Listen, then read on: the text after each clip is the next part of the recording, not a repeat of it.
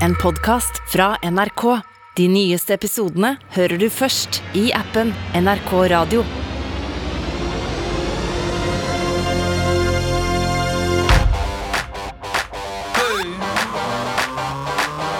Popkorn over politikk med Sean Henrik Matheson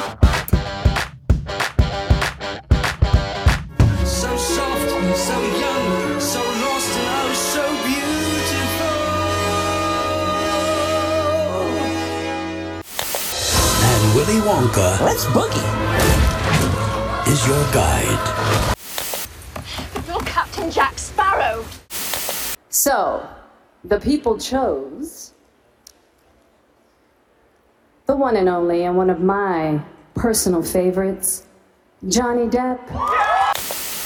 Can you please bring up Defendant's Exhibit 638? Did something happen to you this morning? I don't think so. No, that's the thing. You wanna see crazy? I'll give you fucking crazy. That's crazy. Oh, you're crazy. Oh, you're crazy. Have you drunk this whole thing this morning? Oh, you got this going. You got this going? Oh, really? And you would agree that you were violent in that clip, correct? Um, clearly, I was having a bad time. Dette er fra en rettssak jeg er helt sikker på at du har fått med deg. En av de mest omtalte i moderne tid, faktisk, men også, ikke minst, en av de mest omdiskuterte. I'm up against the wall and he's screaming at me. He's "Rah!" At the top of his lungs, screaming, I fucking hate you. I fucking hate you. You ruined my fucking life. And Rettssaken mellom skuespiller Amber Heard og Johnny Depp. I mean, I hit my head hard. Utgangspunktet for Johnny Depps søksmål var et åpent brev Amber Heard skrev i The Washington Post. Der beskrev hun hvordan hun som offentlig person opplevde å stå fram som offer for vold i nær relasjon. Navnet til Johnny Depp ble ikke nevnt i teksten. In the Washington Post online edition, quote, I spoke up against sexual violence and faced our culture's wrath. That has to change, end quote. Men Johnny Depp følte seg truffet. To år tidligere hadde nemlig Heard anmeldt Depp for mishandling. Depp saksøkte henne for ærekrenkelser. When you're accused of horrific acts and things that you have not done, you have a tendency, as humans, to get very, very irate and angry. Medier i alle land har dekket saken fra ende til annen, og det var ikke bare juryen som etter hvert skapte seg en mening om hva som hadde skjedd. Underveis gjorde du og jeg det også. I think they were both acting. Obviously, I don't think they don't know how to act. They don't know how to not act. Like they're they're always acting because Yeah, that's course. just like what they do. I just think that he's a better actor. Ja, det er i hvert fall det de vanligvis gjør. Å bedrive skuespill, det er det de lever av. He wrote that when he was 25 years old. I've been dragging a typewriter around with me for 10. I've written nothing. You've written some books? Nah. We had no voice. Hele verden fikk se dem begge på direkten. Amber Heard gråt og var flere ganger nærmest i fullstendig oppløsning. Felt this pressure. I felt. Men hun er jo skuespiller, sa mange. Hun klarer å gråte på kommando. Ja, det kan jeg også klare, faktisk. Det er ikke så vanskelig. Og Johnny Depp han er jo skuespiller, han også, og tør jeg si enda bedre og enda mer erfaren. Hva var det han holdt på med da? You, you, you poured yourself a, um, a mega pint of red wine, correct? A mega pint. Yeah. I poured myself a large glass of wine. Right, I thought it necessary. right. Som deg fulgte jeg også med på dette dramaet, og jeg innrømmer det, jeg var på Team Depp. I hvert fall ganske lenge, så ble hele greia bare veldig ubehagelig. Vi stoler på at både dommer og jury gjorde det riktige til slutt, men å sitte og se på at et menneske, Amber Heard, får livet sitt fullstendig rasert direkte på TV, det var ingen god opplevelse. For Johnny Depp vant, selv om begge fikk litt rett. We, the jury, award compensatory damages in the amount of $10 million. Vant han pga. skuespilleregenskapene? Captain Jack Sparrow. Nei, det påstår jeg ikke. Men at han var bedre på å iscenesette seg selv, det mener jeg ganske bestemt. Når det er sagt, går vi ikke rundt alle sammen og iscenesetter oss selv hele tida. På morgenmøte på jobben f.eks., i middagsselskapet. Og hva er det du holder på med på Facebook eller Instagram? Jo, du iscenesetter deg selv og livet ditt. Oh my god, you want take a? Sånn er det.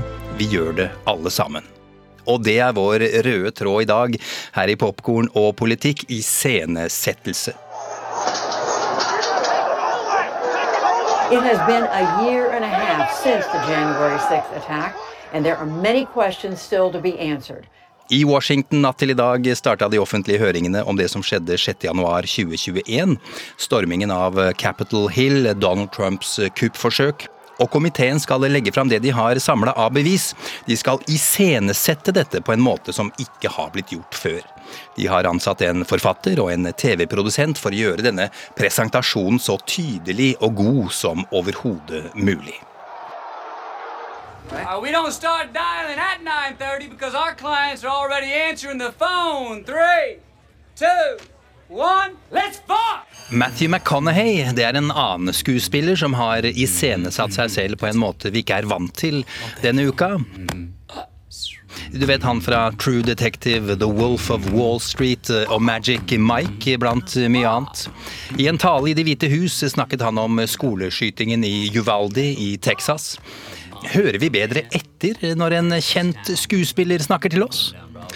Ja, velkommen skal du være. Veldig hyggelig at du hører på.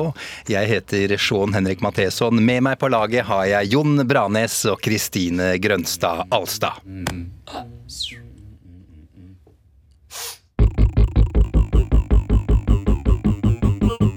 Popkorn og politikk. I used to think that I should watch TV. I used to think that it was good for me.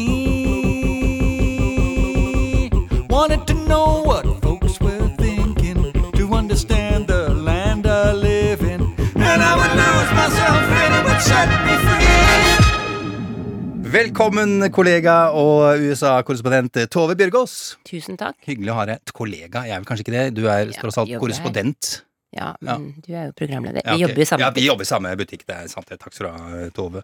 Eh, Siste år her så var du hjemme i Washington. Eh, Nå er du hjemme her eh, i Norge på en liten tur. Det er veldig hyggelig at du er her i studio sammen med meg.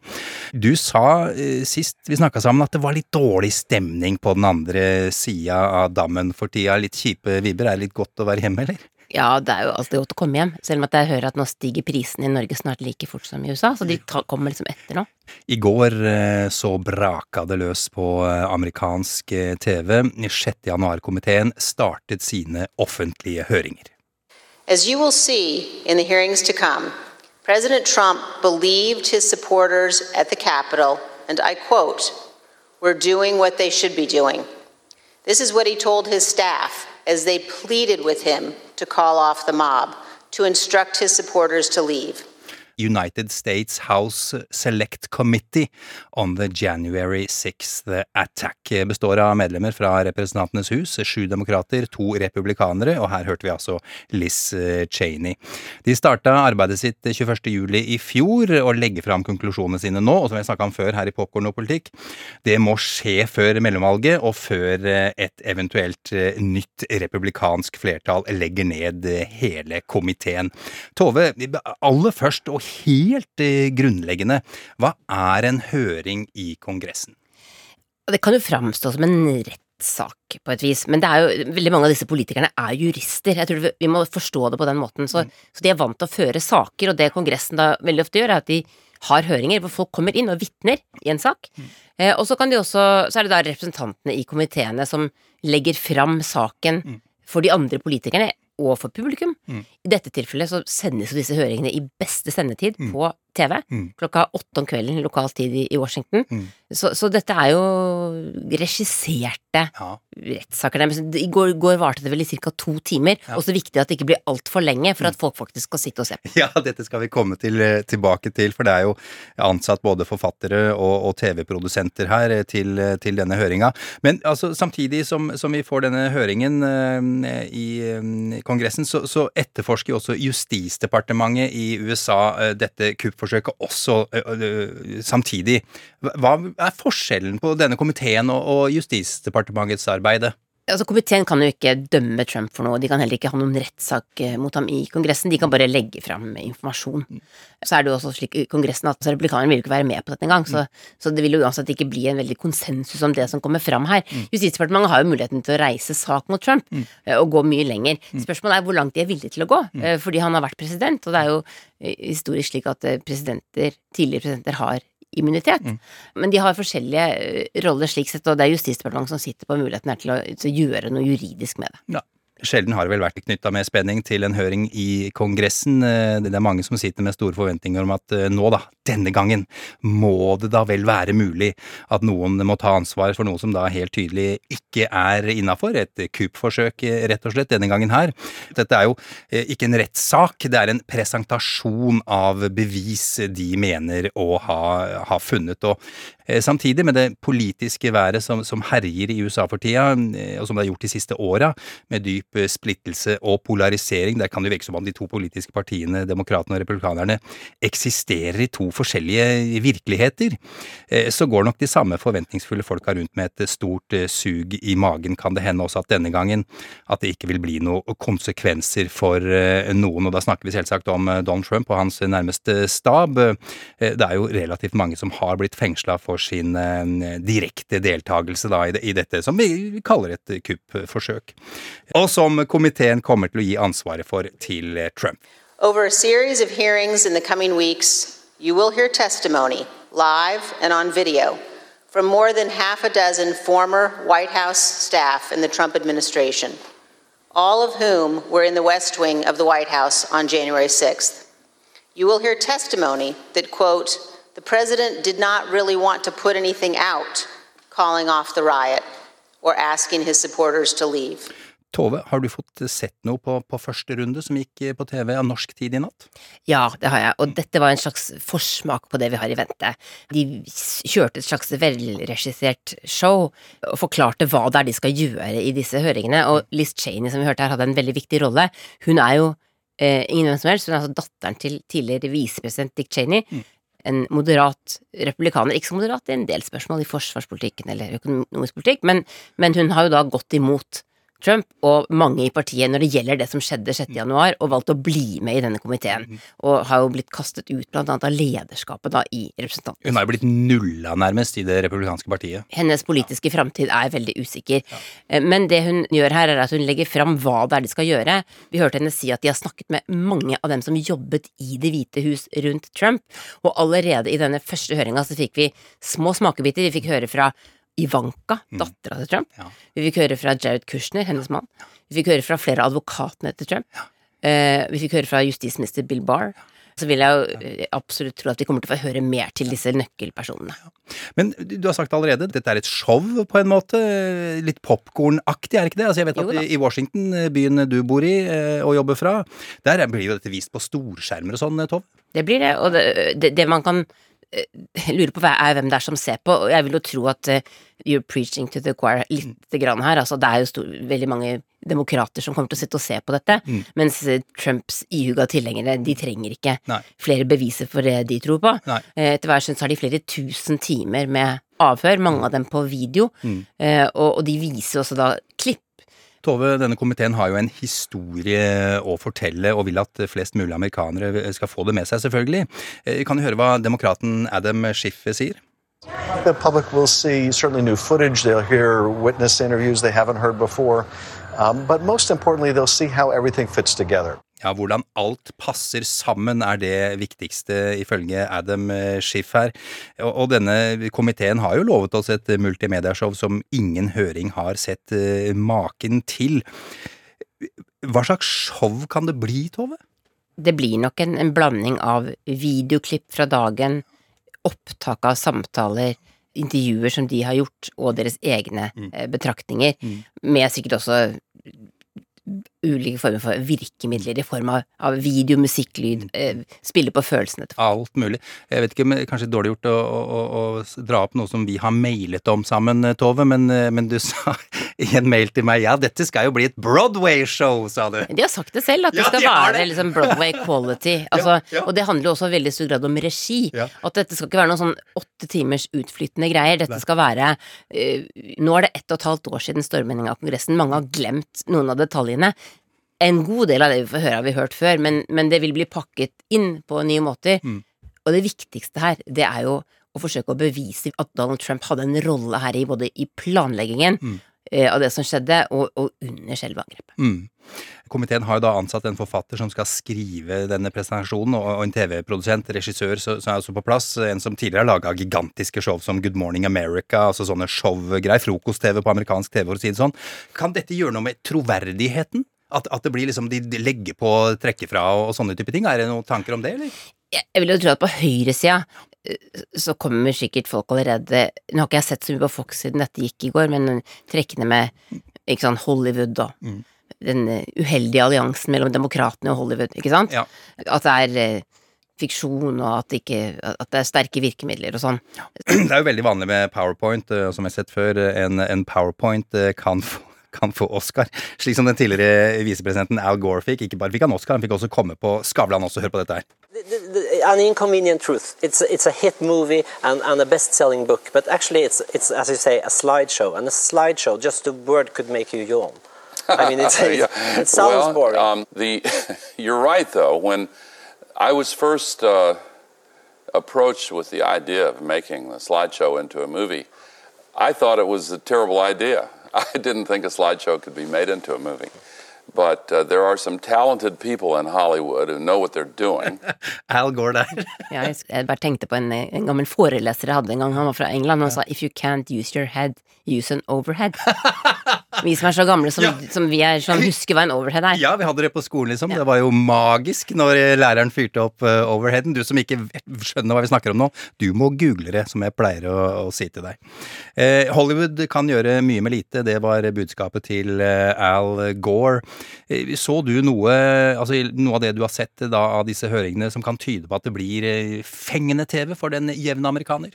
Det er jo fengende TV å se demonstranter banke opp politifolkene utenfor Kongressen, kalle kvinnen som vitnet eh, i høringen i natt, en av disse politifolkene, for hunden til Nancy Pelosi. Mm.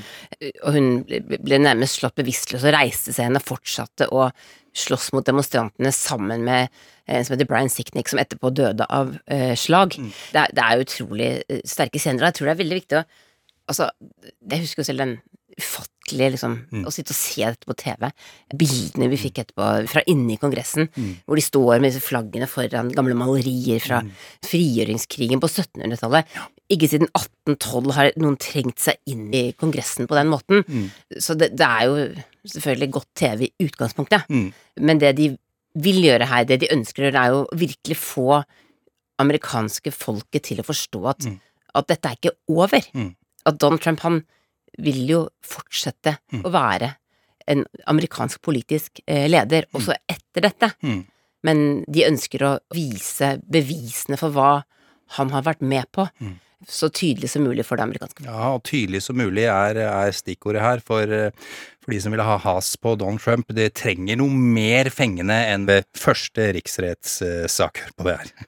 Now, Director Mueller, can you explain in plain terms what that finding means so the American people can understand it? Well, uh, the finding indicates that uh, the president uh, uh, was not, uh, uh, that the president was not exculpa- exculpated for the acts that he allegedly committed. Dette vi hørte nå fra den første riksrettssaken mot, uh, mot Donald Trump, og fra da FBI-direktør og meget respekterte Robert Mueller, da han skulle presentere rapporten sin. Bare for å si det, dette var jo den da Ukraina altså Da Trump hadde bedt Russland om hjelp til å vinne valget. Det var liksom utgangspunktet. At dersom ikke Ukraina og Zelenskyj fant noe dritt på Hunter Biden, altså sønnen til president Joe Biden, så ville de ikke få militært utstyr som lovet. Det var da lynkjapp oppsummering av den eh, første der. Men det er jo nesten ikke til å holde ut. eh, Esculpated, jeg vet ikke engang Jeg vet ikke hva det betyr heller, og det var ingen andre som gjorde heller. For det, at han høres så knirkete ut og så eh, vanskelig tilgjengelig ut, det må da ha vært en lærepenge og, og noe de har tenkt på i forhold til alt det vi nå skal oppleve i den, eh, disse høringene som kommer nå? Ja, jeg tror det. Og det er jo rart å tenke tilbake på disse høringene i forhold til det vi vet om hva som har skjedd i, i Ukraina etterpå. Men, men i amerikansk politikk så har jo ting blitt ufattelig mye mer dramatiske enn det de var under disse høringene. Det som skjedde for halvannet år siden, det har på en måte gjort at alle politikerne måtte skjerpe også presentasjonsteknikken sin, tror jeg, for, å, for du er faktisk nødt til å forsøke å banke inn hva dette handler om. Vi er et demokrati. Vil vi ha et demokrati? Hva kan man gjøre i et demokrati? Eh, og, og da tror jeg også det er viktig hvordan man eh, pakker inn informasjon, hvordan man presenterer det. Eh, Og, og at man får de stemmene fram som kan fortelle noe, noe nytt her, og noe viktig. Popkorn. Og politikk. She's watching the detectives. Ooh, he's so cute. It's just like watching the detectives. Watching the detectives. Watching the detectives. Og historien komiteen vil fortelle, er at Trump visste at han hadde tapt, men prøvde å stanse maktoverføringen allikevel. Ja, og at veldig mange av- de nærmeste medarbeiderne rundt ham også visste at han hadde tapt. Eh, og at eh, en god del av dem forsøkte å fortelle ham det, han ville ikke høre. At noen eh, trakk seg fra kretsen rundt ham. At det var Trump som i, i aller høyeste grad ble, ble sittende og mene disse tingene. Og at man til slutt da endte opp med denne demonstrasjonen utenfor eh, kongressbygningen 6. januar, som Trump selv oppfordret til. Mm. Og at han også reklamerte for den i forkant, og på en måte hadde gitt en slags marsjordre til noen av de mer militante gruppene som gikk i front her. Mm. Eh, De la fram i natt da flere vitneutsagn, som du sier, om at Trump gang på gang fikk beskjed om at eh, det ikke hadde vært noe valgfusk, men han fortsatte å påstå det likevel. Og en av dem som har vitnet om at det ikke var fusk, eh, og at Trump fikk vite det, men at Trump likevel påstod det, det var justisministeren hans, William Barr. Repeatedly uh, told the president in no uncertain terms uh, that uh, I did not see evidence of fraud. Uh, and, uh, you know, that would have affected the outcome uh, of the election. And frankly, a year and a half later, I haven't seen anything to, to change my mind on that. And after Barr's resignation on December 23rd, the acting attorney general who replaced him, Jeff Rosen, and the acting deputy, Richard Donahue, told President Trump over and over again that the evidence did not support allegations he was making in public. Many of President Trump's White House staff also recognized that the evidence did not support the claims President Trump was making. This is the president's daughter commenting on Bill Barr's statement that the department found no fraud sufficient to overturn the election. How did that affect your perspective about the election when Attorney General Barr made that statement? It affected my perspective. Um, I respect Attorney General Barr. Um, so I accepted what he said, was saying. Ja, til slutt er eh, president Trumps egen datter altså, eh, og rådgiver eh, Ivanka. Det var et, noen få sekunder, det er visst åtte timer med opptak av Ivanka Tove. Komiteen nagler altså Trump fast som løgner. Tror du det vil gjøre inntrykk? På Trump? Eh, nei, ja, på Trump! Da blir Trump Vi kan jo begynne med det. Altså, han har jo allerede vist hvor lite inntrykk det gjør på ham i en uttalelse han kom med etter den første høringen i natt, ja. hvor han skriver rett og slett at dette var ikke en eh, protestaksjon, dette var et vakkert øyeblikk. Et og og en, en av de viktigste eh, massebevegelsene i vår kamp for et storslagent Amerika. Det høres jo helt altså det, ja, Han har jo ikke tatt avstand fra, fra noe av dette. Nei. Han har jo planer om å, å fortsette å argumentere Mm. på den samme måten videre. Mm, mm. Men på de som, eh, de som ser på dette her, på eksempel storskjerm i Washington Ja, vi har ikke hørt så mye fra eksempel Trumps nærmeste krets tidligere. Det var jo ikke den riksrettssaken som var like etter 6. januar, det var så kort tid etter at, at da hadde man ikke fått de til å vitne. Så for eksempel Ivanka Trump her er det jo interessant å, å høre på. Hun satt jo veldig nær sin far i Det hvite hus. En annen som gjorde det, var mannen hennes, Jared Kushner. Og også han fikk vi en liten eh, smakebit fra i, i natt. Eh, men det hun sier her, altså at hun stoler på justisministeren og ikke på sin egen far, at de tok jo alle avstand fra dette. Vi- Vi vil nok få høre mer Også når det gjelder sønnene til Trump, så, er det jo, så er det jo de, og spesielt Don jr., som har stått ham nærmest i å, å hevde Mm. dette. Så, så, eh, så det er nok eh, spesielt Ivanka som skal, skal ta det, det andre standpunktet. Den andre delen av høringen handla om selve angrepet, og at eh, Trump lot være å stanse det. I stedet så viste de et opptak av Trumps tweet underveis, eh, og at den ble lest opp av en mann med, med megafon, og at presidentens angrep på visepresidenten fikk opprørerne til å rope 'hang Mike Pence'. Mike Pence didn't have the courage to do what should have been done to protect our country and our Constitution, giving states a chance to certify a corrected set of facts, not the fraudulent or inaccurate ones which they were asked to previously certify. U.S. demands the truth. Bring out Pence. Bring out Pence.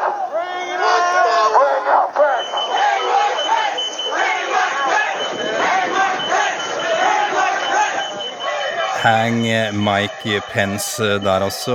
De viste en masse video som ikke har vært eh, vist eh, før, annet opptak fra kameraene som mange amerikanske politifolk eh, går rundt med for å dokumentere det de gjør. Mye grusomme bilder. Eh, Nå skal vi høre Liz Cheney igjen eh, om hva Don ikke gjorde i mellomtiden. Not only did President Trump refuse to tell the mob to leave the Capitol, he placed no call to any element of the United States government to instruct that the Capitol be defended. He did not call his Secretary of Defense on January 6th. He did not talk to his Attorney General. He did not talk to the Department of Homeland Security.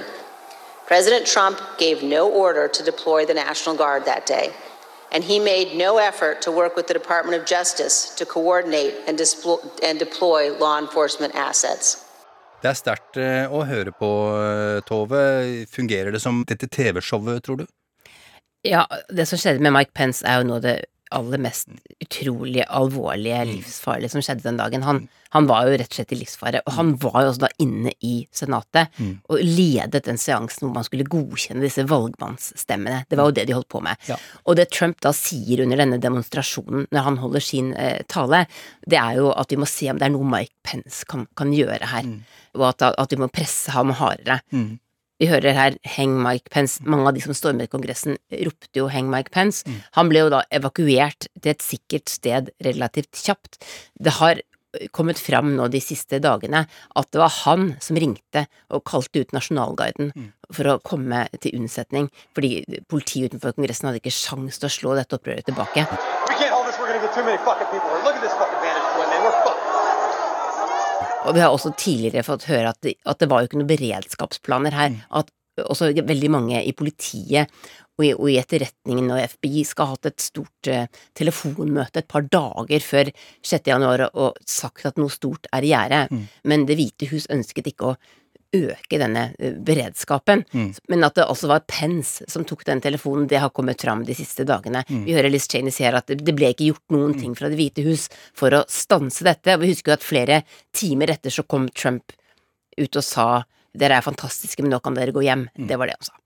Og når det gjelder Mike Pence, så vil vi få høre mye mer om ham i høringene i neste uke. Eh, hva han visste, hva folk rundt ham, eh, hvordan de opplevde dette. Og det tror jeg vil bli veldig viktig for å bygge denne saken mot Trump. Det, det var vel sånn at han bare var eh, noen sekunder unna å bli tatt av denne mobben, så vidt jeg husker, Tove? Ja, det var, det var noe sånt. Nå skal du si at også han forsøkte jo i dagene etterpå å dysse dette ned. Donald Trump har så stor makt i partiet mm. at det ble jo veldig fort Mm. eh, slik at eh, de skjønte at de kan ikke eh, vi kan ikke ta avstand fra dette sånn som vi hadde først tenkt. Men at han var i livsfare, det er helt sikkert. Et eh, veldig tydelig øyeblikk var da komiteen viste fram eh, ordentlig brutale scener, der eh, politifolk eh, blir slått til eh, blods, eh, revet over ende og, og tråkka på. Eh, mens dette opptaket fra Fox News eh, i dagene etterpå ble, ble spilt av.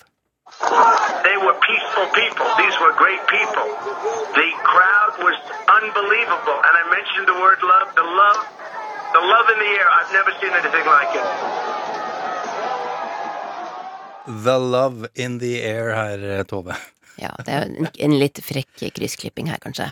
Og det er jo nettopp i hvor stor grad han, han åpenlyst oppfordret til vold, og kanskje også planla vold, og ikke forsøkte å stanse eh, et opprør, et væpnet angrep på det amerikanske demokratiet.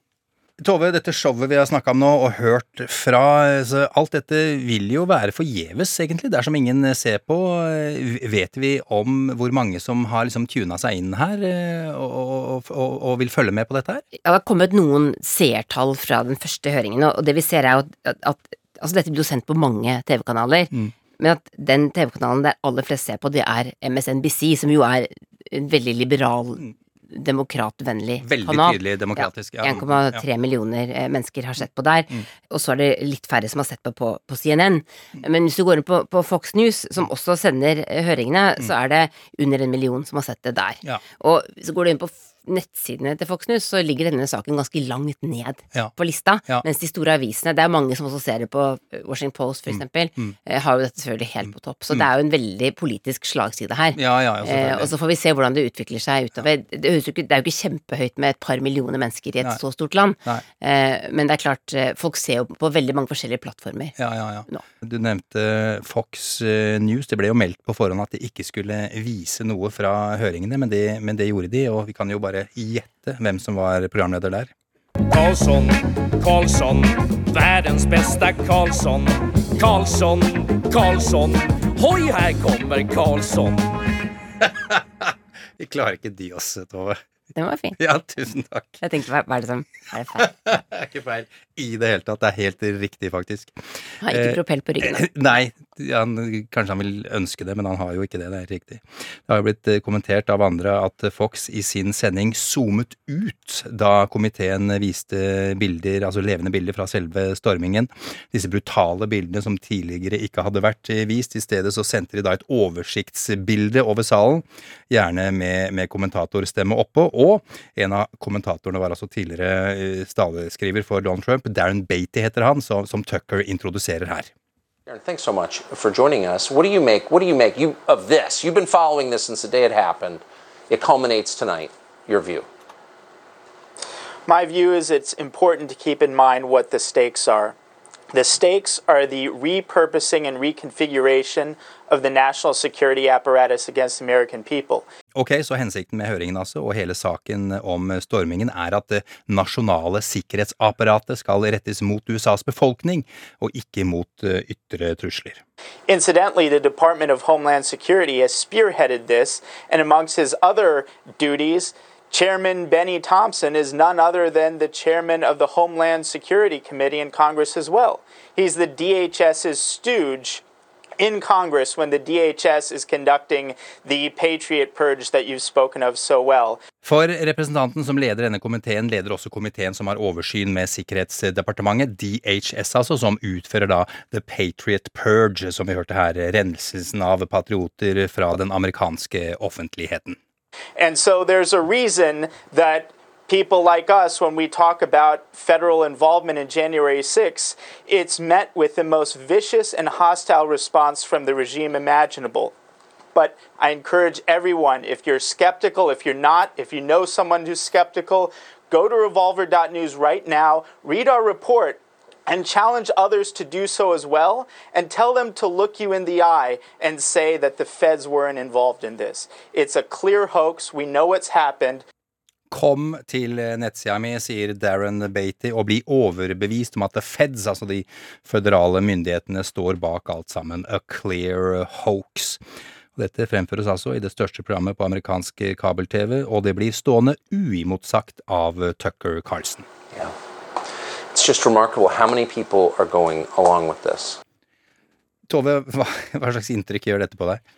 Jeg er ikke overrasket, men, men det er jo, dette er jo konspirasjonsteorier å pakke dette inn som et angrep på folket fra eh, myndighetene. Mm. Og den samme Tucker Carlson, han eh, satt jo i forrige uke senest og snakket om at Joe Biden ville ta fra folk våpnene sine Mm. og muligheten til å forsvare seg Mm.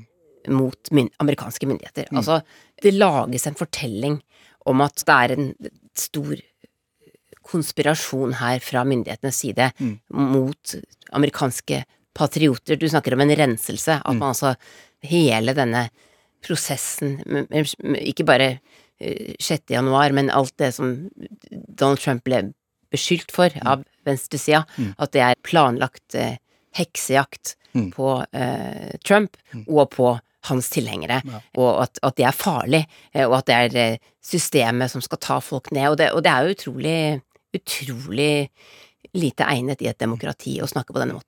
Hvor mange er det som tror på denne her historien her i stedet, tror du, i- ja, Tove? Vet vi noe om det, eller? Det er jo ganske mange som, som tror på det, og vi vet jo at rundt 25 av den amerikanske befolkningen fortsatt er ganske ihuga tilhengere av Donald Trump, og ikke er interessert i å sitte og se på disse høringene eller å tro på det som kommer fram der. Jeg tror det er veldig lite du kan gjøre Mm. om du heter Liz Cheney for å overbevise Mm. den gruppa. Mm. Eh, Så det som er spørsmålet her, er jo hva de som er på midten, Mm. de som kanskje stemte på Donald Trump, eh, men kanskje var glad for at han ikke Mm.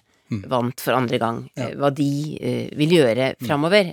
Han har jo fortsatt et grep om partiet, men det er klart at det, det store problemet Mm. i det amerikanske demokratiet, det er jo at folk tror på helt forskjellige historier Ja. om, om landet sitt. Popkorn. Og politikk. Do you see what I see?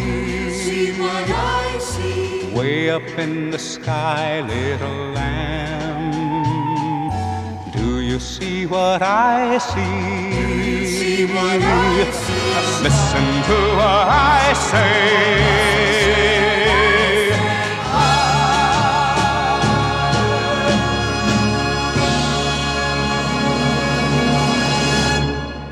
Bare for å si det, det republikanske partiet tvitra etter høringen all old news, med andre ord. Ingenting å se her. Det er jo ikke så veldig mye nytt her, men det er jo altså det å systematisere den informasjonen. For en annen ting både vi og amerikanere sliter med, er at det er enormt mye informasjon. Mm. Så det denne komiteen i første rekke gjør, er å rydde i informasjonen. Mm. Og gjøre mye mer enn rettssaken gjorde i forhold til å beskrive hva det var Donald Trump var deltaker i her, hva det var han bidro til. Mm. Eh, og så er det jo også flere rettsinstanser og domstoler rundt USA som ser på, på, på det han gjorde. Mm. Eh, og, og denne komiteen kan jo ikke tiltale ham for noe, men vi vet jo fortsatt ikke om det kan komme eh, andre typer etterforskninger. Mm. Presidenter har jo egentlig immunitet, men det er litt ullent dette her. Mm. Ja, du sier jo det er viktig å presisere igjen at denne komiteen har jo ikke noe, de kan jo ikke stille ham for retten eller noe sånt noe, men de kan jo overlevere alt de finner til Justisdepartementet, som de er i ferd med å gjøre, ikke sant. Eh, Allerede nå så er bevisene gode nok, så får vi jo tro at de vil ta tak i saken etterpå, ikke sant? Ja, Ja. det, De holder jo på med det fortsatt, men ja, og det har også ja. kommet et par, et par interessante eh, uttalelser fra ledende dommere eh, i amerikanske domstoler, som på en måte er argumentasjon for hvordan man kan se på den rollen Donald Trump spilte, Mm. og hva man eventuelt ville kunne dømme ham for. Så man har jo ikke så veldig god tid her. Det er jo bare eh, to, drøye, altså to og et halvt år til eh, neste presidentvalg, Mm. men det er jo derfor viktig for, for demokratene og for opposisjonen til Trump, eh, representert her ved, Liz Cheney i det republikanske partiet, å få fram denne informasjonen så fort som mulig. Ja. Eh, Vi har jo blitt lova noen eh, bomber. Kom det noen i natt, eller vil du si, Tove? Jeg syns det var interessant å høre datteren hans snakke. Vi fikk også vite litt om noen av disse militsgruppene som var ikke i front her. Mm. Noe av det har vi hørt før. Vi fikk høre at de hadde et møte i et parkeringshus dagen før stormingen. De som heter Oath Keepers Ja. og Proud Boys, som var en annen gruppe. Vi har hørt før at de lagret våpen i Virginia like utenfor Washington DC, og at de på en måte ventet på en slags marsjordre fra Donald Trump. Det var en dokumentarfilmskaper som var med i høringene i natt, som jobber med en dokumentar om en av disse gruppene, Mm. som fortalte om hvordan de så på situasjonen. Det han også fortalte, det var jo at medlemskapet i Proud Boys, den ene gruppa, gikk voldsomt opp eh, etter at Trump, som du kanskje husker, før valget sa Stand back and stand by. Vent nærmest på min eh, marsjordre. Så det er jo først og fremst slik informasjon, men vi vil nok få høre mye mer fra de folka som var rundt ham. Vi har jo hørt før at Trump ikke ville høre på når de sa at det, det, altså det er ikke valgfusk, ikke sant? Men, men at vi vil få flere eksempler på det, og på hvordan han eh, hva han selv gjorde, og hvor langt han var villig til å gå her. Hvis vi ser litt på mellomvalget i, i november, nye representanter skal inn i ja, Representantenes hus og Senatet, og nye guvernører skal, skal velges. Eh, Vil dette kunne påvirke det noe særlig, tenker du? Det er jo det demokratene håper på. Ja. Og nå er det jo også andre saker. Altså nå har de også fått eh, abortdebatten og, våpendebatten, som også vil eh, på være med her, eh, tror jeg. Men det vi har sett så langt i, i nominasjonsvalgene, er jo at at det er en sånn mixed bag, som vi sier på engelsk. Altså Trump har gått inn for en del kandidater. Noen av dem har vunnet fram, mange av dem har ikke. Han har ikke et så hardt grep om partiet som det han hadde for et år siden, og det er jo litt interessant. Eh, Men samtidig så er det veldig få som er villige til å ta avstand fra ham. Mm. Og vi hører jo partiet selv si her at her er det ikke noe nytt, dette trenger dere ikke å se på velgerne våre, Mm. ikke sant? Viljen til å kjøpe det vi får i disse høringene fra et flertall i det republikanske partiet er ikke til stede. Så det handler for mange av disse politikerne om å bli gjenvalgt, og om å få de pengene man trenger for å kunne ha valgkampene sine, men om at velgerne faktisk skal gå for dem. Og da er det disse 25 prosentene da, som er ekstremt viktige for disse politikerne som skal bli gjenvalgt. Det er jo for tidlig å si, men det, men, men, men det er jo ikke slik at uh, disse høringene vil forandre veldig mye på meningsmålingene før valget til høsten. Det tror jeg ikke. Altså, jeg, vet at veldig mange amerikanere er litt lei av dette her, og, og som eh, tenker at kan, vi ikke bare gå videre, liksom? Er ikke det litt typisk amerikanere, eh, Tove? Huff, all denne rasismen, for eksempel, all disse skoleskytingene, kan vi ikke bare glemme det og gå videre? Er, gjelder dette her også, tror du? Når det gjelder eh, skoleskytinger og, og vold ellers i samfunnet, så er det jo en, en sånn utmattelse, men samtidig et voldsomt sinne over at ting ikke blir bedre. Men, men det folk er aller mest utslitt av, er jo at, at de er så uenige, og at derfor fortsetter volden. Og 6. januar var jo et veldig tydelig eksempel på hvor langt noen mennesker er villige til å gå. Mm. Så den fortvilelsen tror jeg også over at selv ikke etter en sånn krise klarer man å, å si at nå er det nok, folkens, nå må vi faktisk redde det som gjør oss til amerikanere her. Mm. Disse institusjonene som vi tross alt er så stolte av vel har har vært med på å bygge opp. Det har vært utrolig trist å se det som har skjedd i det halvannet året som har gått etter stormingen av Kongressen, eh, og ikke minst fordi tilliten til politikerne er jo på et bunnivå, ikke sant?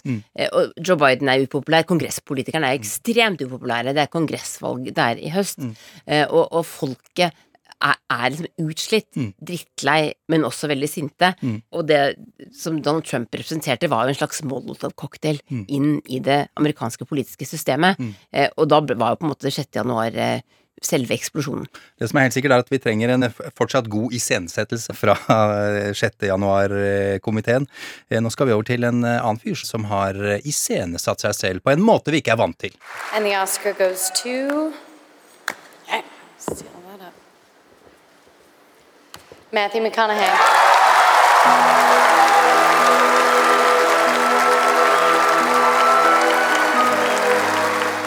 Her fikk eh, Matthew McConaughey Oscar i 2014 for filmen Dallas Buyers Club.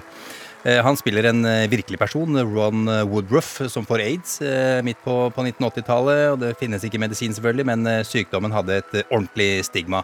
Det er et eh, stigma McConaugheys eh, rollefigur ikke vil eh, knyttes til. kidding me? Talking about that fucking rock cock sucking Hudson bullshit? Mr. Woodruff, have you ever used intravenous drugs? Have you ever engaged in homosexual conduct? Homo, homo. You, you say homo? Yeah. That's what she said, didn't it? You fucking kidding me? I ain't no faggot, motherfucker. I don't even know no fucking faggots. Look at me. What do you see, huh? The goddamn rodeo's what you see. Woodruff eh, smuglet eh, medisiner inn til Dallas og, og Texas, eh, både til seg selv og til andre aids-syke, og det var denne gruppa trengende som var The Dallas Buyers Club. Not one fucking MD will write me a script. Not one. Motherfuckers. Eh, Tove, som vi snakka så vidt om eh, litt tidligere, eh, mange amerikanere liker jo å glemme å komme seg videre. Det gjelder også masseskytinger og skoleskytinger. Det er en utmattelse, som du sa der. 11 year old Mia Cerrillo survived the massacre at Robb Elementary School in Uvalde, Texas, by covering herself in her classmates' blood to appear dead to the gunman. Just let that sink in for a minute. I'm on the teacher's phone and called 911. What did you tell 911? I told her that we need help.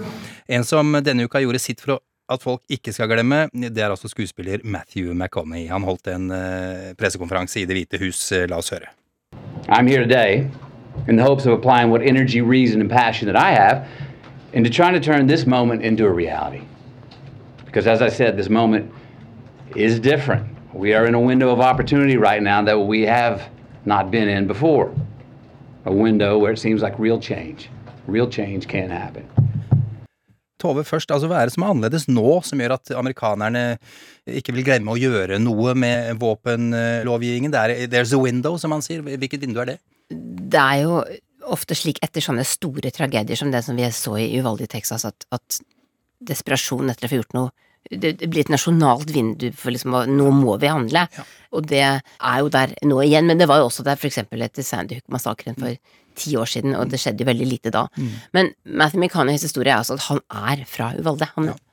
han vokste opp i den lille byen. Eller bodde i hvert fall der da han var liten. Ja. Og kom også tilbake dit rett etter massakren og har hatt mye kontakt med familiene der. Mm. Eh, og han har jo også forsøkt seg eh, som eh, politisk eh, kandidat selv. Ja, han har i hvert fall ambisjoner om å stille til som guvernør. eh, Det Det har han vel lagt bort, så vidt jeg har skjønt. Han, han, ja. han lekte med tanken om å stille Mm. som guvernørkandidat i Texas. Det er jo veldig stort og eh, en veldig langt lerret Mm. å, å, bleke. Mm. Eh, men han har altså nå valgt å, å, å ta eh, denne saken selv, Mm. og, og han er jo også en, en type politiker som mange på høyresida eh, liker litt. Mm. Eh, og det, han er jo en dypt kristen mann. Jeg kan huske den takketalen hans Oscar-utdelingen den gangen. stor der, ja. Ja, Så, så slik sett så kan han ha en, en bredere appell enn mange demokratiske politikere kan ha, men han har først og fremst et veldig personlig forhold til dette lokalsamfunnet som ble ramma. Uvalde, Texas is where I was born. It's where my my mom taught kindergarten less than a mile from Robb Elementary. Uvalde is where I learned to master a, a, a Daisy BB gun. Took that took two years before I graduated to a 410 shotgun. Uvalde is where I was taught to revere the power and the capability of the tool that we call a gun. Uvalde is where I learned responsible gun ownership. Han snakker jo på en måte opp eh, Våpen, våpen ja. også. ja. Og ansvarlig våpenbruk. Men han er jo også opptatt av at man er nødt til å få på plass fornuftige reguleringer av f.eks. salg av automatvåpen til 18-åringer, som er det som førte til eh, skytingen i, i- Uvalde. Det er jo en veldig sterk våpenkultur. Texas har jo kanskje den sterkeste våpenkulturen i hele USA. Så det han snakker om her, er jo hans eget oppvekst med våpen.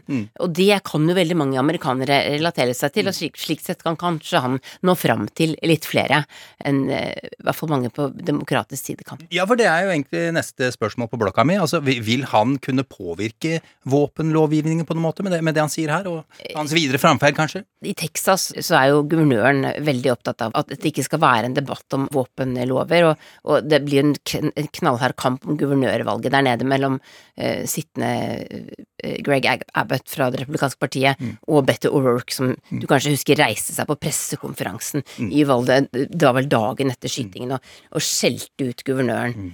Ja. Vi, vi har snakket om, eh, om andre grunnlovstillegg og denne retten til å bære våpen som mange er så opptatt av tidligere, men, men der nede så er det jo eh, helt eh, utenkelig for folk at de ikke skal ha mulighet til å kjøpe seg våpen. Så det McConaughey tar til orde for her, er jo justeringer i lovverket, som for eksempel dette med å sjekke bakgrunnen til den som kjøper våpen, aldersgrenser, den typen ting, som de fleste eksperter tror ville få ned antallet skoleskytinger, fordi det veldig ofte er unge menn på 17-18 år som utfører disse handlingene. Men det var en periode, Tove, eh, fra 1994 til 2004 der det var eh, mye sterkere restriksjoner på disse automatvåpnene enn det det er nå.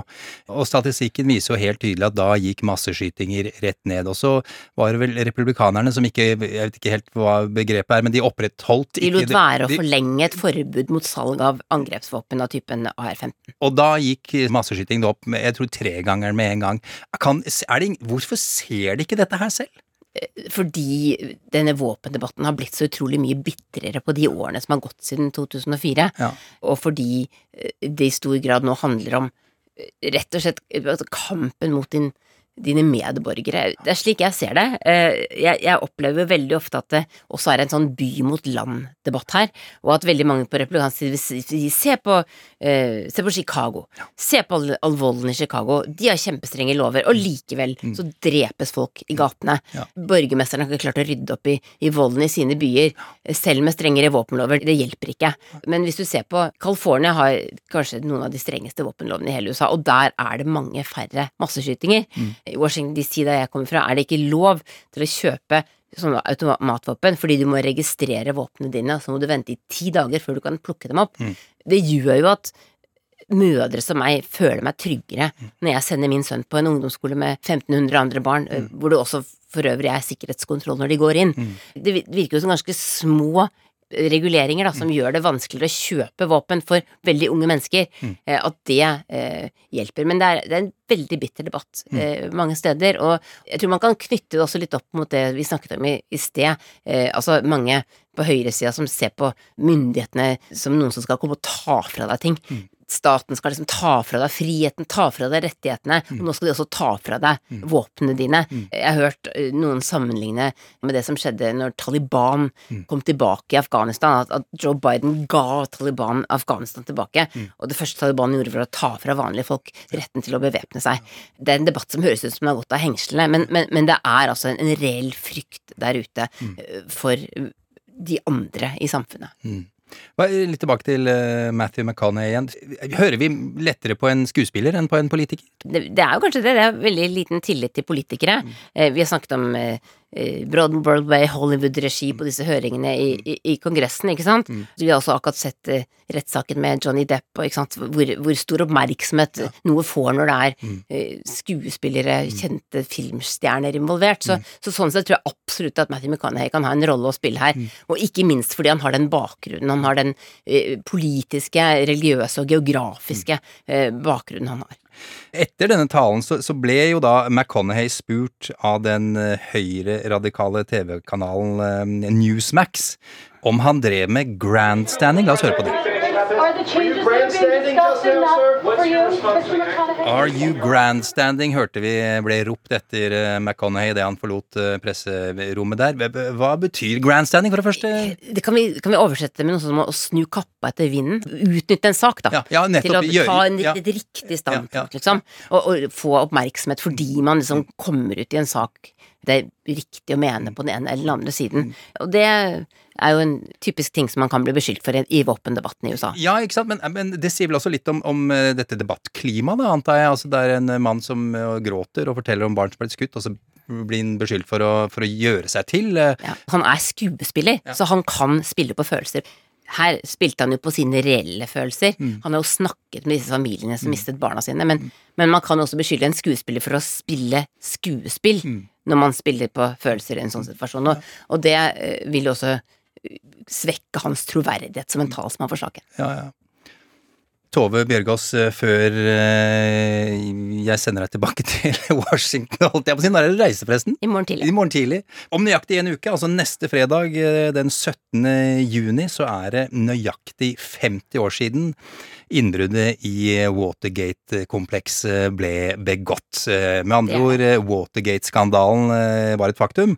Det var jo Washington Post-journalistene Carl Bernstein og Bob Woodward som fant ut og gravde seg fram til og løste denne saken slik at Nixon til slutt måtte gå av. Du skal jo faktisk møte disse to gutta neste uke, Tove? Det skal jeg. Jeg er blitt invitert til Washington Posts egen jubileumsfeiring av denne historiske dagen for amerikansk politikk og journalistikk, der begge to skal være til stede og fortelle om ja, vi har hørt mye om hvordan de jobba, men, men også hva dette har fått å si for journalistikken og for politikken. Mm. Eh, og det de også allerede har sagt, altså det, det, det, de, det de mente var at Nixon på en måte definerte eh, korrupsjon, men etter det har vi jo fått blant annet Trump. Ja, for de har, skrevet også i Washington Post selvfølgelig at ok, vi trodde vi hadde det verste som kunne skje noensinne, og så kommer Trump, som du sier. Ja, og de har jo også snakket med ham selv, eh, eh, så, så det, er, det, er jo, det er jo tidligere da han var president. Så, så det, det det blir veldig interessant å Og de er jo fortsatt veldig aktive eh, samfunnsdebattanter, ja. begge to, så det er, blir eh, spennende. Ja, og det blir spennende neste uke også, for vi skal eh, lage en hel episode som handler om eh, Watergate-skandalen her i Popkorn og politikk. Da kan du bruke masse filmreferanser. Det skal jeg love deg, Tove. Tove, tusen takk for besøket. Kjempehyggelig. Som Tove sa, og som hun har helt eh, rett i, her er det plass til mye film eh, og TV. Og da skal vi få god hjelp av noen som eh, kan det skikkelig, både fiksjonen, men også selve Watergate-historien. Du skal få en oldie but goldie sånn avslutningsvis i dag, sånn apropos Watergate. David Bowie og hans Young Americans. Her synger han om et post-Nixon-Amerika, og han spør ja, hvor lenge vil det ta før alle glemmer alt om hvordan vi havnet her? Will you remember your President Nixon? Do you remember the bills you have to pay? Or even yesterday? Jeg synes det er eh, gode spørsmål.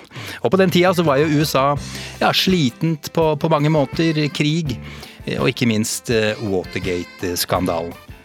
Både David Bowie og Richard Nixon er eh, borte nå, men eh, spørsmålene er fortsatt i den aller høyeste grad relevante.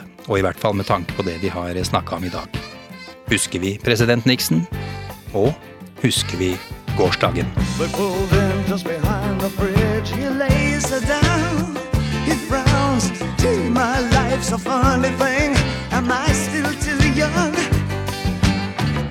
the van and took ring, took his babies.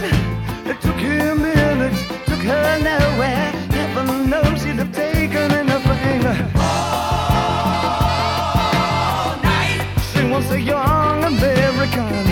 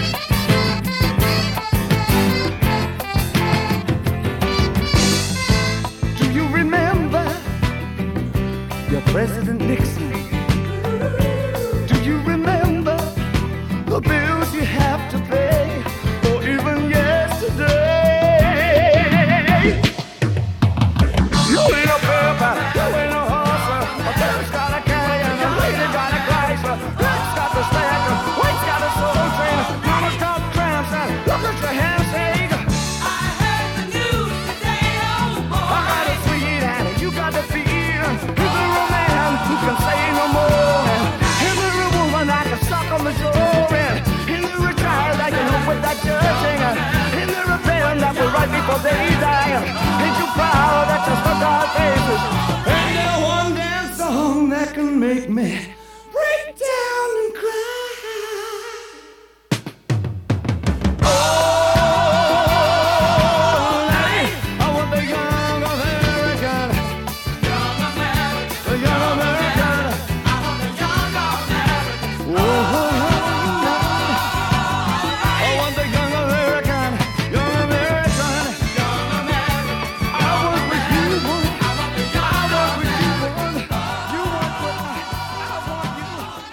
Du har hørt en podkast fra NRK.